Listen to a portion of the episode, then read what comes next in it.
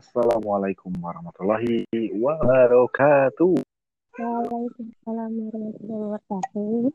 Alhamdulillah setelah mencoba beberapa kali akhirnya terhubung juga ya.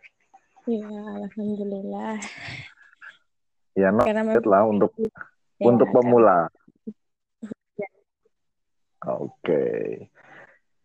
Ya hari ini di podcast malam hari ini di suasana pandemi corona eh, bertemu dengan Firda Anggraini Safitri. Saya juga belum kenal sama orang mana, backgroundnya apa. Nanti yuk langsung kita kenalan dengan Firda. Silakan memperkenalkan Firda. Oke, perkenalkan nama saya Firda Anggreni Sapitri, asal daerah dari Sumatera Selatan yaitu Palembang, khususnya di kota Kabupaten Banyuasin. Salah satu mahasiswi Universitas Muhammadiyah Palembang, Fakultas Pertanian, jurusan Agroteknologi. Oke, thank you Firda dari Universitas Muhammadiyah Palembang. Iya, benar sekali. Benar sekali. Oke. Nah, for your information, uh, untuk para pendengar semua, rekaman ini direkam bukan uh, kopi darat bertemu langsung, tetapi ini menggunakan aplikasi podcast dan teman-teman semua juga yang ingin berbagi cerita bisa silahkan download podcast melalui Play Store. Nah, di kesempatan malam hari ini uh, kita akan berbagi cerita ya karena Firda ini backgroundnya masih mahasiswi, jadi kita akan ceritanya seputar tentang uh, dunia perkampusan. Nah, Firda ini memang asli dari Palembang ya? Kalau keturunan itu dari Jawa, cuman udah lama dan lahir di Palembang, ya asli Palembang. Oke, sekarang ini sedang semester berapa, Firda? Kalau sekarang, alhamdulillah sudah semester 8, lagi nyusun skripsi. Oh, tua ya sebenarnya lagi legend berarti ya jangan sampai legend Insya Allah nanti oke okay. nah oke okay, Firda uh, sedikit tanya-tanya tentang dulu tuh waktu lulus SMA kenapa milih kuliah? Alasannya kenapa? Kenapa nggak langsung kerja? Atau mungkin langsung menikah aja gitu? Ah, ya karena dikasih tawaran oleh orang tua mau kerja atau mau ke mana karena uh, atau mau nikah ya? Kerja atau mau menikah gitu. Ya, mau nikah juga umur masih sedikit ya ibarat kata. Ya, Aduh. Hmm. Kan pengen bebas dulu, nggak enak kalau uh, lihat lain. Banyak yang nikah ujung-ujungnya kandas tengah jalan. Kan nggak enak. Kan memang belum belum matang gitu kan. Jadi cari pengalaman dulu mumpung masih muda, selagi masih belum keluarga, pos-puasin dulu lah masa gadisnya. Oke, siap. Nah, selain tawaran dari orang tua, motivasinya apa kok milih untuk kuliah?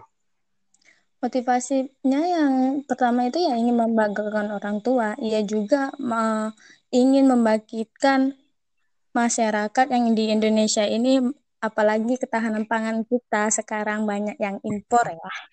Ya. Wow. Patriotisme sekali. Masih mahasiswa masih idealis lah ya. ya. Karena kan kita kan sebagai pemuda nih kan ya. Wow, Jangan agent of change. Gitu. Karena masih banyak yang di luar sana butuh semangat-semangat kita untuk menyerukan suara mereka gitu. Uh, uh, Oke, okay. nah ada lagi nggak selain itu motivasi yang paling mendasari selain tawaran orang tua, terus uh, ya mungkin tadi backgroundnya karena idealisme gitu. Selain itu mungkin ada lagi?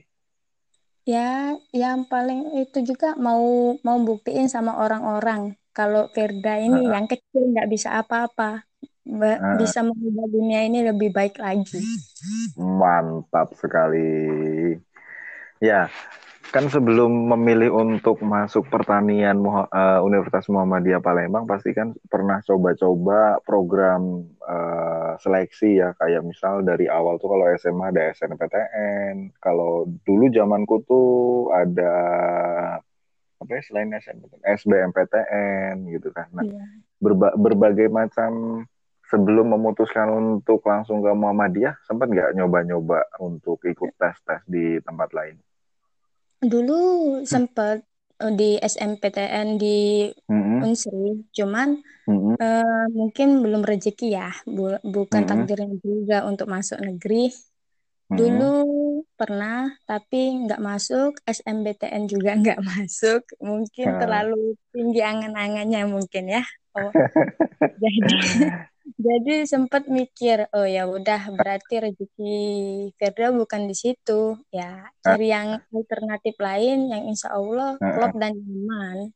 Mungkin ini yang terbaik gitu. Oke, okay. nah sampai punya perasaan bahwa oh iya saya di SNPTN bukan rezeki saya, SBMPTN bukan rezeki saya gitu sampai memiliki perasaan ikhlas kayak gitu tuh. Itu gimana tuh caranya?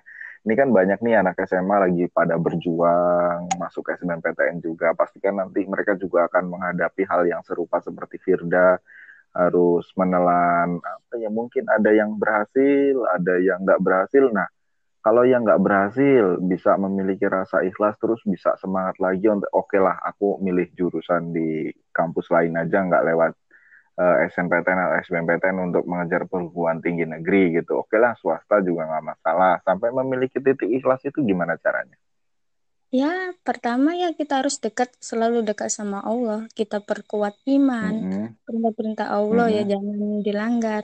Karena kita mm-hmm. itu sebenarnya nggak boleh ego. Kadang apa yang hmm. menurut kita bagus itu belum tentu menurut Allah itu bagus. Kita oh, juga harus sadar diri kemampuan kita ini sebatas mana. Mm-hmm. Kalau sudah kita sudah berjuang, ketika mm-hmm. kita jatuh di tengah jalan, mungkin mm-hmm. Allah akan lebih kasih yang lebih sempurna, yang lebih bagus dan lebih baik mm-hmm. untuk kita. Kita itu jangan ego gitu. Mantap. Oke. Nah, lanjut ya, lanjut sudah mas uh, sudah masuk masuk ke perguruan tinggi di Universitas Muhammadiyah Palembang. Nah, itu jurusannya masuk pertanian memang dari dulu waktu lulus SMA memang aku harus jadi eh, juru, jurusannya harus pertanian gitu. Atau memang karena aduh aku kesasar gitu. Yang penting masuk aja deh gitu. Atau gimana? Hmm ceritanya itu? Kalau pertama, kalau pertama itu yang pertama itu pengen masuk ke dokteran ya, karena hmm. di negeri masuk ke dokteran itu nggak lulus, jadi hmm. udah kayak aduh nyesek gimana. Memang pilihan kedua itu memang mau ke fakultas pertanian gitu loh. Apalagi mungkin dengan di fakultas pertanian kerja ini bisa loh bantu-bantu masyarakat yang membutuhkan karena kalau nggak ada petani mungkin di dunia ini maka mau makan beras plastik nggak mungkin kan? Hmm, beras sintetis ya. iya. Oke, jadi memang udah tekad bulat ya di dunia mengembangkan dunia pertanian. Nah ini kan udah semester 8 nih, pasti kan pernah KKN.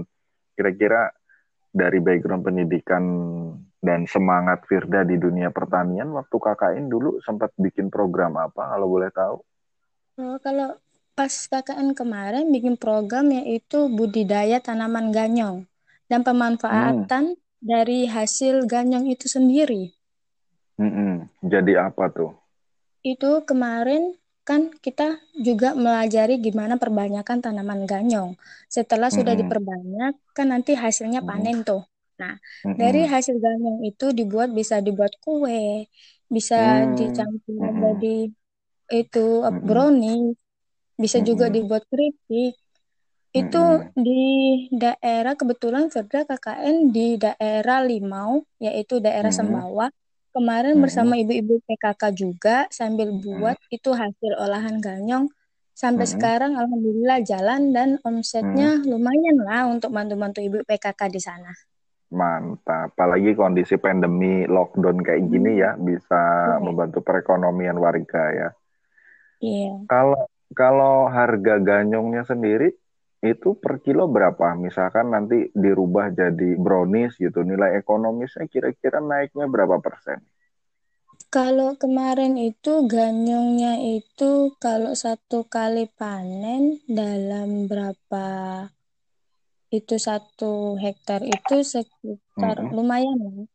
Kalau hmm. sekilo kan ganyong di kalau khususnya ya di Sumatera Selatan hmm. sendiri ganyong hmm. ini agak kurang ditoleh oleh masyarakat karena hmm. mungkin ganyong ini sudah dipikir masyarakat tuh hanya tanaman hias padahal hmm. ganyong itu banyak manfaatnya kemarin tuh ganyong itu sekilonya itu murah sih sama aja kayak ubi kayu masih sekilonya itu tujuh ribu ketika itu dibikin kue bisa dapat lima loyang dan satu loyang kue itu bisa dijual dengan harga lima puluh ribu ya sekitar oh. lima puluh persen sendiri lah omset untuk hasilnya itu oh berarti ini bisa di ini ya apa dibuat secara massal ya Iya, bisa, bisa.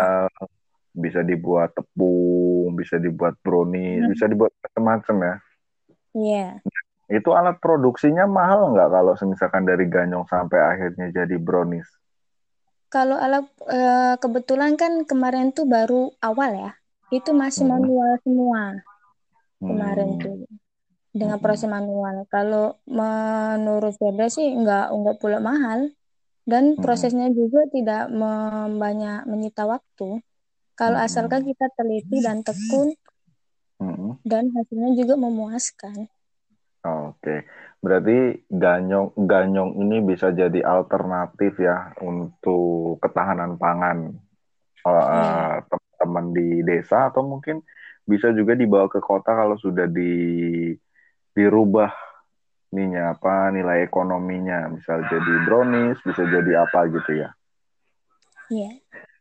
Oke, mungkin untuk podcast malam hari ini segitu dulu Firda untuk uji coba. Oke lah ya, lain waktu kita bisa sambung kembali di suara kita, suara Jajang Hidayat. Selamat malam.